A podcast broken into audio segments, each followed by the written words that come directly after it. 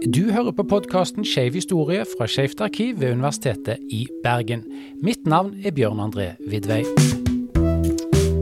Arne Heli var den første i Norge som sto offentlig fram som homofil. Dette skjedde på et møte i Studentersamfunnet i Oslo i 1965 foran 500 fremmøtte. Debattmøtet ble arrangert med utgangspunkt i ei bok som ble publisert året før i Sverige. 'De seksuelle minoriteter' av Lars Ullerstam. Boka vakte stor oppmerksomhet i de nordiske landene, og førte til fullt hus denne kvelden i Studentersamfunnet. Arkivverket har digitalisert opptaket fra møtet som varte i flere timer. Vi har valgt å publisere deler av møtet over tre episoder. Først forfatteren Ullerstams innlegg, så de tre opponentene, blant andre Arne Heli, og til slutt tredje del med noen av debattinnleggene. Vi gir ordet til kveldens ordstyrer, eller herr formann, som han ble kalt. Møtet er satt. På vegne av styret vil jeg ønske alle velkommen til et nytt radikalt semester. Det vi kan si fra vår side, er at vi har lagt opp et program som var presenterat på generalförsamling och det är det samma program vi ska upprätthålla i detta semester. Vi hoppas att programmet ska vara av allas intresse och vi hoppas att det ska vara engagemang i debatten. Det är också trangt ikväll och vi hoppas att det ska vara tålmodig och vi, vi ska kanske senare få lite luft.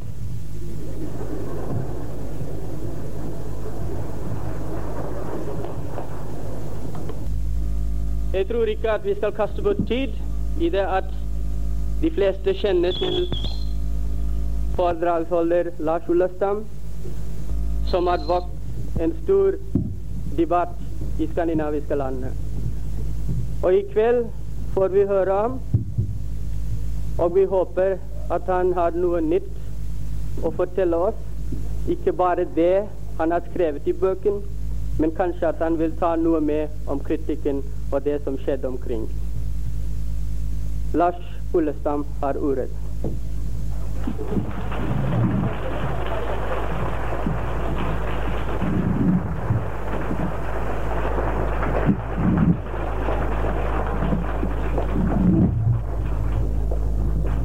Mina damer och herrar, hörs det bra så här? Eh, jag hoppas att eh, debatten ikväll inte kommer att förryckas och förbistras av språksvårigheter. Nu är jag ju i Norge och norrmännen talar, vet jag, ett ganska hyfsat språk i jämförelse med till exempel danskarna där jag inte kunde vare sig göra mig förstådd eller förstå de invändningar som kom emot mig under debatten. Nå, nu har jag debatterat det här ämnet så ofta att jag kan invändningarna utan till. Så det var bara att chansa på en av eh, så att säga standardklyschorna och invända mot den.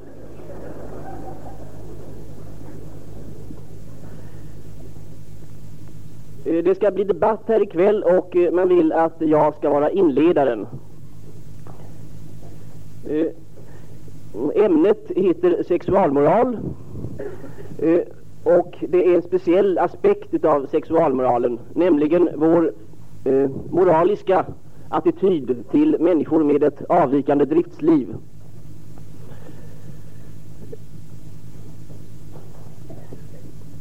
Eh, när man debatterar sexualmoral så eh, blir debatterna alltid mycket egendomligt förvirrade och osakliga.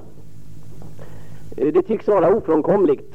Och jag har hittills inte varit med om någon enda debatt där debattörerna har lyssnat på varandra och eh, försökt invända emot eh, de, det som sägs explicit i debatten.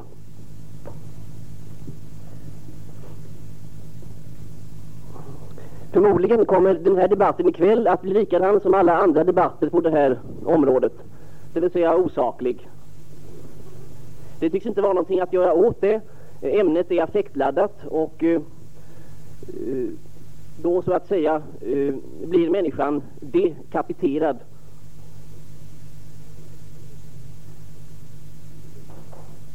Eh, jag tycker i alla fall att vi ska försöka disciplinera eh, oss ikväll och eh, försöka undvika de grova överdrifter som har skett i de norska anmälningarna utav min bok.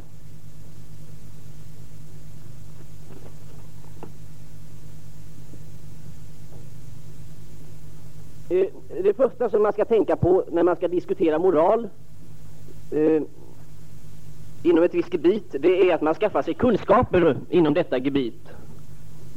Eh, att man tar reda på de relevanta fakta som finns. När det gäller eh, sexualiteten eh, så tycks eh, detta inte vara fallet. Folk tycks inte vara intresserade av att skaffa sig kunskaper på det här området.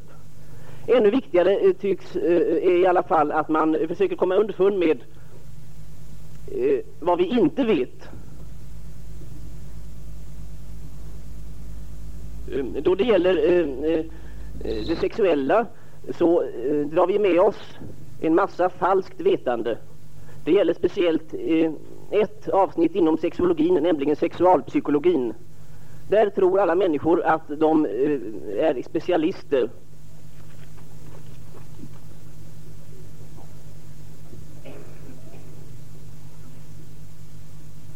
Eh, det är lustigt att iaktta människor som diskuterar sexualpsykologi eller sexualsociologi. Eh, de brukar då, då kasta de fram påståenden som det inte finns den minsta bevisning för. Det gäller också människor som i andra sammanhang är mycket pedantiska. Eh, men då det gäller sexualpsykologi så tycks alla vanliga regler för sannolik, sannolikhetsbevisning vara åsidosatta.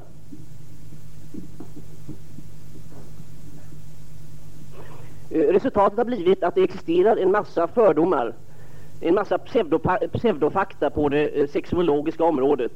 Och dessa fördomar eller pseudofakta, på dessa eh, bygger vi våra moraliska värderingar i stor utsträckning. Eh, det är ett olyckligt förhållande och speciellt olyckligt blir det därigenom att en viss kategori människor kommer i kläm på det här sättet. Jag tänker på just människor med ett avvikande driftsliv.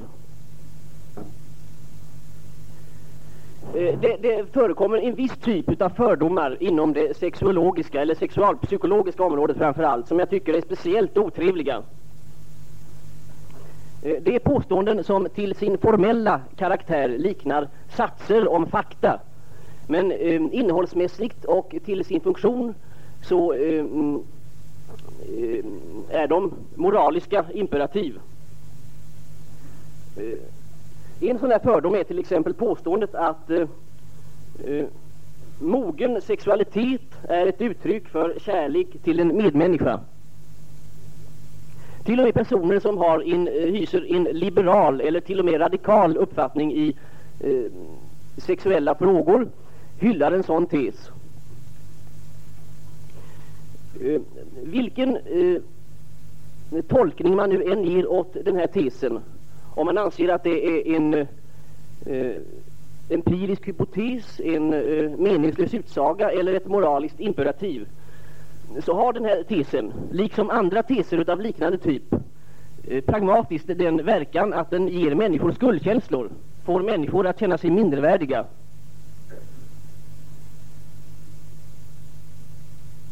Folk tror att de inte kan leva upp till ett önskat ideal på det eh, sexuella området.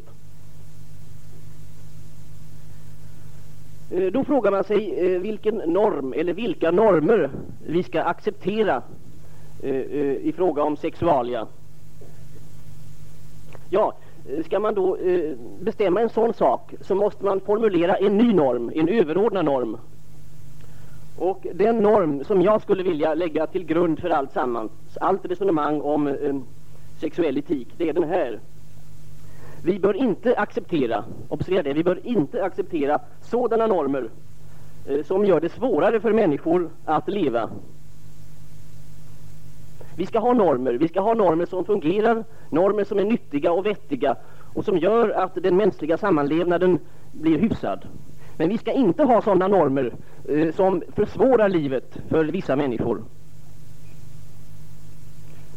Jag tror att allesammans här i salongen eh, håller med om den satsen när den formuleras på det här abstrakta sättet.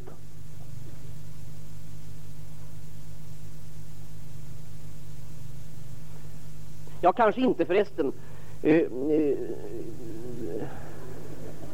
i, eh, speciellt här i Norge så eh, finns det många människor som anser att eh, man på det sexuella området bör eh, försöka tillfredsställa nyckerna hos en eh, auktoritär eh, person som man kallar för den kristne guden.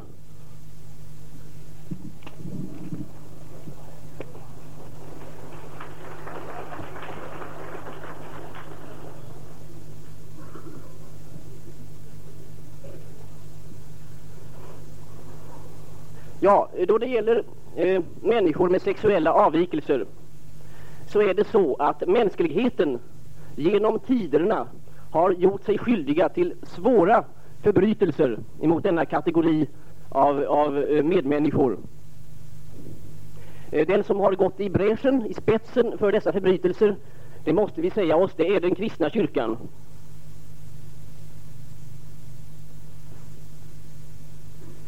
Eh, man tycker att det är ganska konstigt eh, för eh, eh man påstår sig inom denna kyrka mm, dyrka en idol som kallas för Jesus av Nasaret. Men så vitt jag vet så har denna person inte sagt någonting nedsättande om människor med sexuella avvikelser. Det, det är till och med troligt att denna person själv tillhörde en sexuell minoritet.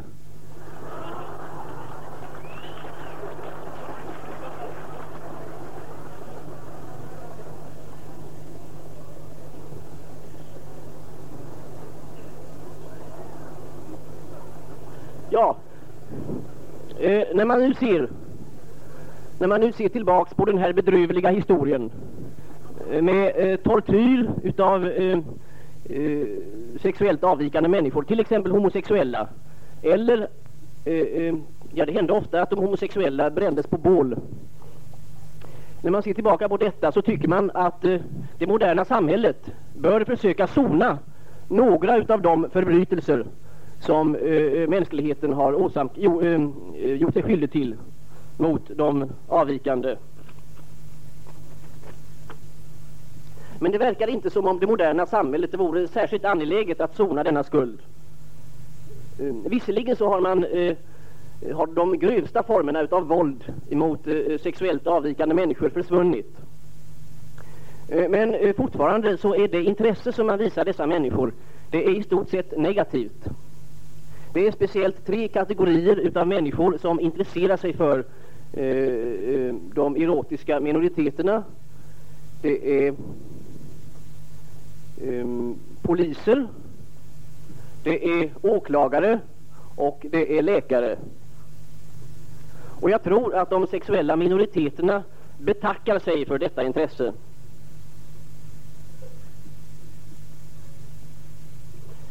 Ser man sig om i världen och studerar lagstiftningen så ska man finna att fortfarande så är homosexuell, homosexualitet lagstridig eller kriminell i de flesta länder.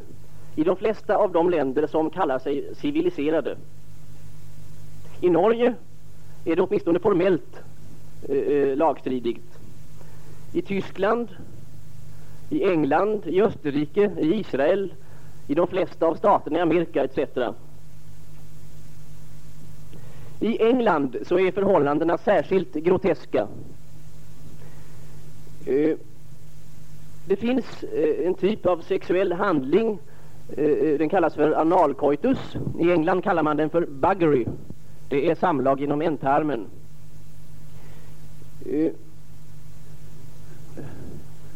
Har, denna, har något sådant ägt rum så är både den aktivt och den passivt deltagande Eh, eh, de döms till livstids eh, straffarbete.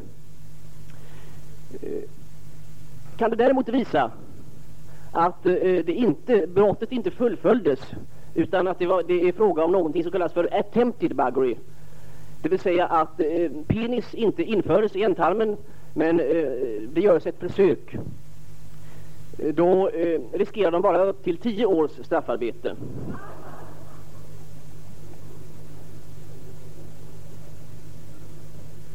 Det gäller alltså tydligen för eh, försvarsadvokaten att i sådana fall bevisa att den anklagade lider av ejaculatio precox. Då har han större chanser att bli friad.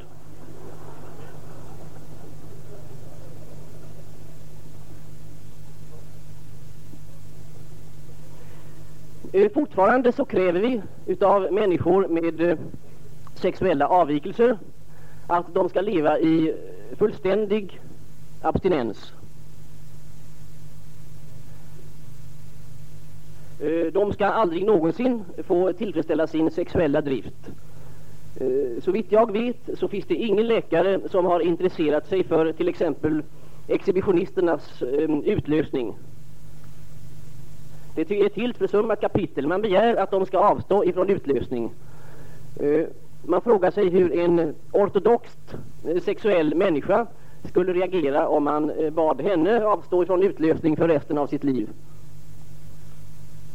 Då skulle de flesta, eller om man låt oss säga att man kriminaliserade vanligt samlag, då skulle de flesta troligen bli kriminella.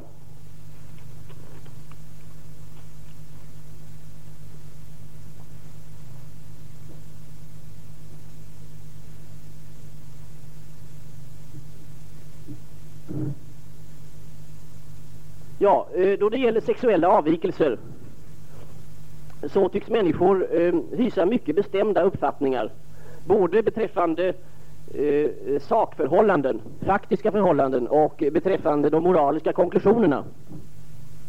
Det är märkligt därför att vi vet praktiskt taget ingenting eh, om eh, sexuella avvikelser. Eh, visserligen så har det skrivits en massa tjocka böcker och visserligen så känner man till en massa fall. Men människor, eh, läkare och psykiatriker som har intresserat sig för eh, sådana här fenomen, de har huvudsakligen varit intresserade av att formulera djupsinnigheter. Och de har inte varit särskilt intresserade av att samla fakta enligt gängse statistiska och vetenskapliga metoder. Det är först på allra sista tiden som det finns någon forskning rörande sexuella förhållanden och det är främst sociologerna, ja nästan uteslutande sociologerna som har gett oss eh, eh någon form av kunskap. Fast den fortfarande är mycket trivial och ytlig. Eh, dessutom eh, så eh, är det så att läkarnas erfarenheter, de må ha haft hur många patienter som helst, inte berättigar till några konklusioner om människor med sexuella avvikelser i allmänhet. Läkarna får nämligen ett utvalt material, ett selekterat material. De träffar bara patienter, det vill säga människor med eh, psykoneurotiska besvär eller andra psykiska störningar. Läkarna vet alltså ingenting nästan om eh, eh, hur sexuella avvikelser ter sig ute i den friska populationen.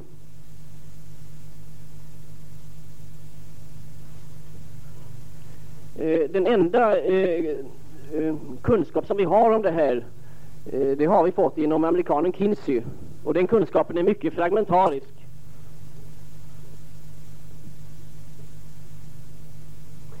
Han, eh, fördelen med, med, med Kinseys undersökning är i alla fall att han eh, eh, har undersökt ett osorterat material, ett icke-selektivt material. Själv eh, så har jag nu genom alla breven som jag fått, jag har fått över tusen brev ifrån människor med sexuella avvikelser, så har jag kommit, eh, eh, fått en viss uppfattning om eh, de här förhållandena. Det är klart att det här materialet också i någon mån är kliniskt, det är, eller selekterat. Det är en viss typ av människor som skriver och berättar om sina besvär.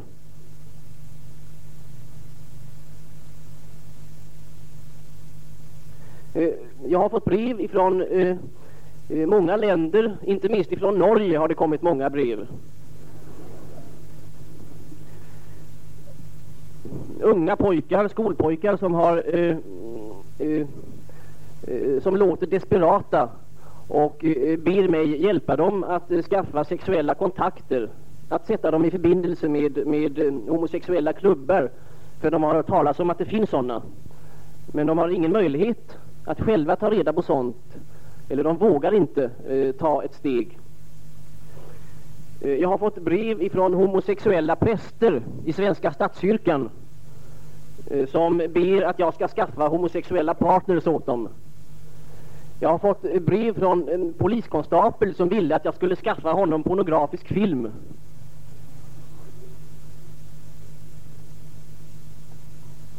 Jag har fått brev från masochister, många brev från masochister som hela livet har eh, letat efter en sadistisk partner utan att lyckas.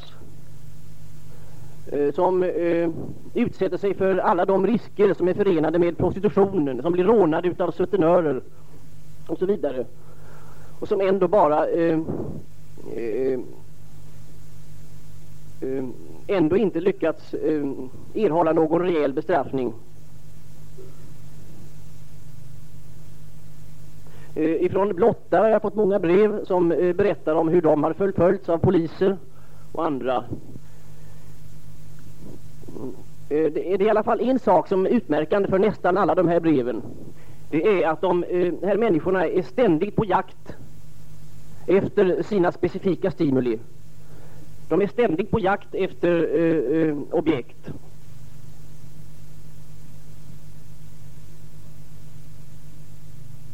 I allmänhet så misslyckas de. Men det händer någon gång. De flesta, många brev berättar om en och annan episod där de i någon mån har lyckats realisera sina sexuella önskningar. Och den episoden, den eh, minns de såsom en, eh, ett, ett ljust minne, såsom eh, en, ett tillfälle med förhöjd livskänsla. Eh, de, eh, en känsla utav att inte ha levat förgäves. Det låter egendomligt men eh, det förhåller sig på det här sättet.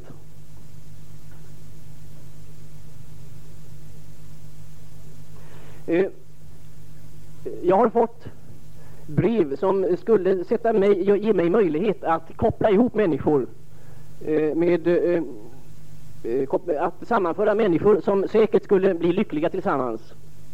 Jag är alltså i den positionen att jag kan, eh, tror jag, ge ganska stor lycka åt många människor. Men jag avstår ändå från att göra det. Därför att den svenska strafflagen förbjuder koppleri.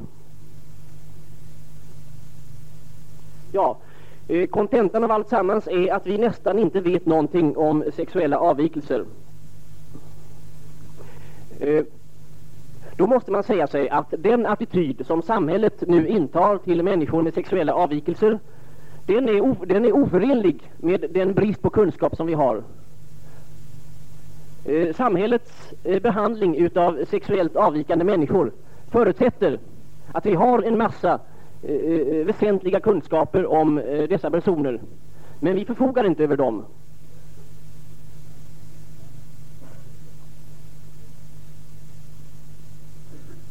Det enda som man med säkerhet kan säga om eh, människor med sexuella avvikelser eh, det, är, det är att de, de känner lust, sexuell lust då de får tillfredsställa sin sexuella drift.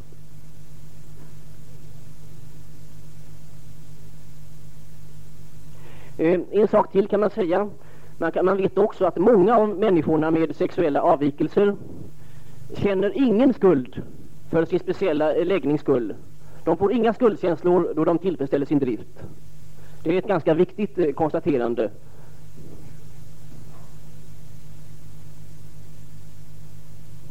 En sak till bör man säga. Vi vet också att det inte finns några eh, behandlingsmetoder som gör det möjligt att förändra en människa från en sexuell avvikelse till ett eh, eh, så kallat normalt sexuellt beteende. Det finns ett par fall rapporterade i litteraturen där man har lyckats med en sådan behandling. Men då kan man ju fråga sig eh, lite närmare beträffande omständigheterna vid, under de här behandlingarna.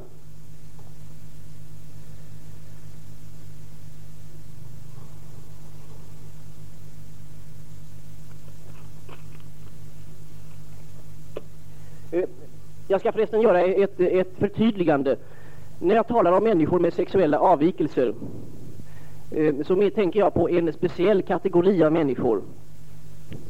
Jag tänker inte på människor som beter sig sexuellt avvikande. Det finns nämligen mycket starkt sexuellt, eh, sexuella människor, det vill säga människor med en mycket stark sexualdrift som kan eh, tillägna sig alla möjliga sexuella objekt, som med utbyte kan delta i alla möjliga sexuella handlingar. De tar det som finns till hands. Det är inte dem jag tänker på, utan jag tänker på eh, människor det kan man säga, det är människor som har en väldigt vid, eh, vitt lustspektrum. Jag tänker på människor som har blivit specialiserade i sexuellt hänseende. Specialiserade så att de kräver mycket specifika stimuli för att få orgasm eller utlösning. Eh, de människorna blir ofta så fixerade till detta stimulus att det blir ett tvång, ett behov och ett tvång för dem att eh, eh, då och då konfrontera sig med, med detta stimulus. Alltså i en, en sån här sexuell perversion så ligger det två saker. Dels ett, att den här eh, eh, speciella sexuella handlingen är den enda möjligheten för dem att få sexuell utlösning. Och det andra att eh, eh de har ett tvång att utföra den här handlingen. Att det föreligger ett tvång, eh, eh, säger många människor, inte minst psykiatrikerna, tyder på att det rör sig om en sjukdom. Eh, det tycker jag är ett förhastat konstaterande. Det är så att de flesta vanor, många av de vanor som vi utbildar blir till tvång, också hos friska personer. Till exempel tvånget att röka. Man kan också säga att eh, många människor har ett tvång att eh, eh, ha samlag.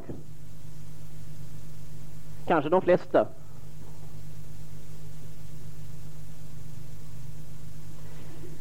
Uh, de flesta av de påståenden som förs fram då det gäller sexualitet och framförallt då det gäller sexuella avvikelser, ifall de har en intressant karaktär eller en allmän karaktär, de är troligen antingen falska eller meningslösa.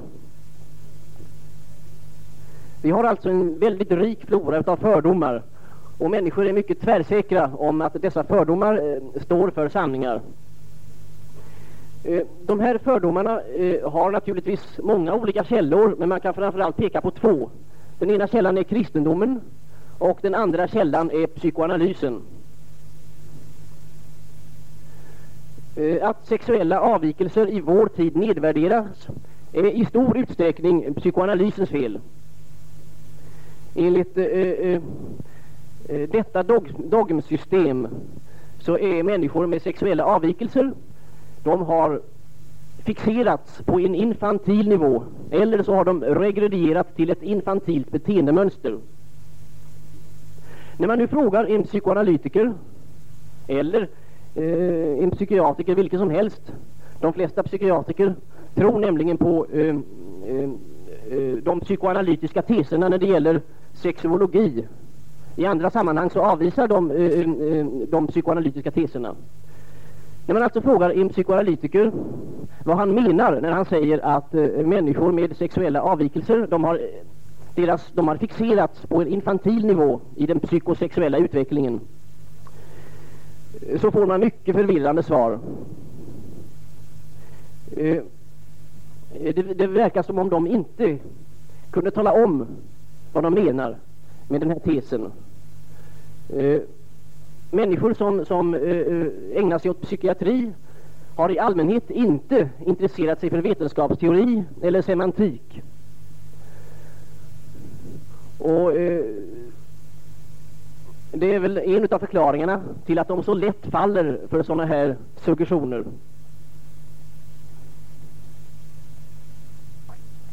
Inte nog med att eh, eh psykoanalytiker anser att eh, Eh, människor med sexuella avvikelser har ett förvridet och infantilt sexualliv. De talar om det för dem också. De slänger de här otrevliga diagnoserna i ansiktet på folk och tror att de eh, blir lindrade på detta sätt, att deras skuldbördor minskas. Jag tycker att det är oanständigt att göra på det sättet och det är ett svårt eh, konstfel enligt mitt förmenande. Eh, min tes, min huvudtes är att samhället bör eh, aktivt hjälpa människor med sexuella avvikelser att tillfredsställa sina sexuella behov. Jag har två skäl. För det första så är de här människorna sämre ställda i samhället. De är handikappade och har mycket svårare än andra människor att finna partners. Det andra skälet är det som jag tidigare har berört. Samhället bör i anständighetens namn sona den svåra skuldbörda som, eh, den svåra skuld som det har till människor med sexuella avvikelser. Eh, jag tror att man kan komma fram till ungefär följande konklusion. Eh, I vissa fall är det ur medicinsk, socialmedicinsk, psykologisk, psykologiska och mänskliga aspekter indicerat att genom ingrepp i miljön underlätta för eh, de erotiska minoriteterna eh, att tillfredsställa sina sexuella behov. Observera att jag här yrkar på en individuell behandling av människor. I andra fall så är det troligen klart olämpligt. Det finns människor som hyser mycket svåra skuldkänslor för sina avvikande sexuella böjelsers skull och det är troligt att de människorna, om de tillfredsställer sina sexuella behov, drabbas utav ångest och depression. Men som sagt, det viktigaste i det här sammanhanget är den, de individuellt avpassade åtgärderna. Man kan varken generellt säga att alla, alla perversa människor ska tillfredsställa sina behov, inte heller kan man säga att inga eh, bör uppmuntras att tillfredsställa dem. Man bör behandla varje människa, medmänniska och patient som ett unikum.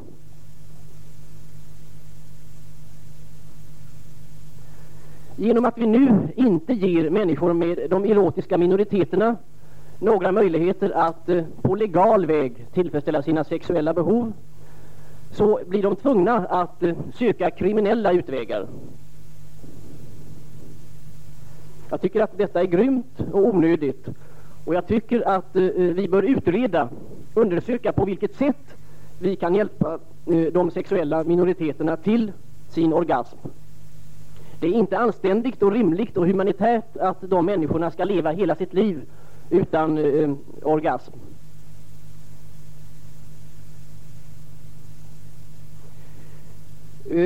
Jag tror att det finns många människor här, kanske de flesta, som inte är särskilt intresserade av att vi ska hjälpa de här människorna.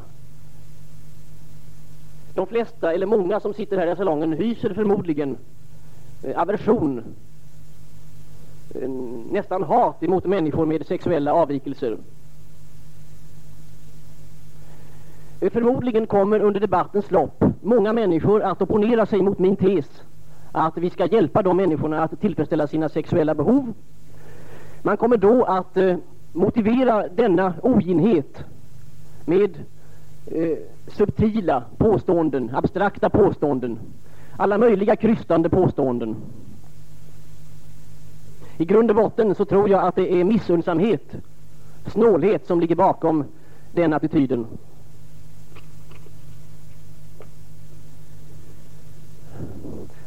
Det finns en eh, biblisk sats som lyder allt vad i viljen att människorna skola göra eder, det skolen i och göra dem. Jag tror att det är en olyckligt formulerad sats. Jag tror att vi, eh, den satsen inbjuder till eh, eh, eh eller på något sätt suggererar att vi människor är lika, att vi har samma behov, samma önskningar. Eh, som grundläggande regel, eh, eh, humanitär regel, skulle jag vilja formulera följande sats. Vi bör försöka ta reda på vad våra medmänniskor har för önskningar och behov. Det tror jag är viktigare än nästan allt annat. Att vi själva försöker eh, eh, lära oss den inställningen. Att vi försöker under, un, eh, lära våra barn, lära i skolorna att människor är olika på praktiskt taget alla områden att det finns olika önskningar, olika behov. Ehm, sexuell altruism eller sexuell barmhärtighet det är någonting som den kristna kyrkan egendomligt nog eh, vänder sig emot. Jag förstår inte vad det ska vara nödvändigt för. Det är väl inte förenligt med evangeliets anda. Jag yrkar alltså på att vi eh, försöker eh, visa, lära oss, uppfostra oss själva till att, att intressera oss för de här människornas problem. Att vi försöker utsträcka vår barmhärtighetsnit också till de här människorna. Eh, ja, det var väl vad jag hade att säga som inledning. Tack.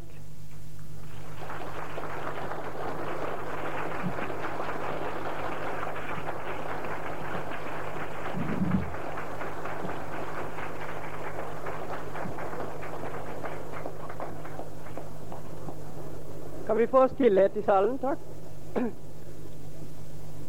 Det är klart, efter att höra Ullestams inlägg, att i enhver världssamfund det finnes ett slikt problem. Men efter vårt samfunds etik och traditioner och moralska och traditioner kanske vi är blind till dessa problem. Men vi tackar Ullestam att han kan vara en av dem som kan stå upp och ta emot kritik och belysa dessa problem som konfronterar var enkelt av oss. Med det vill jag säga tack till Lars Ullestam igen. Du har hørt på podkasten Skeiv historie fra Skeivt arkiv. Mitt navn er Bjørn André Vidvei. Produsent er Jo Gjelle.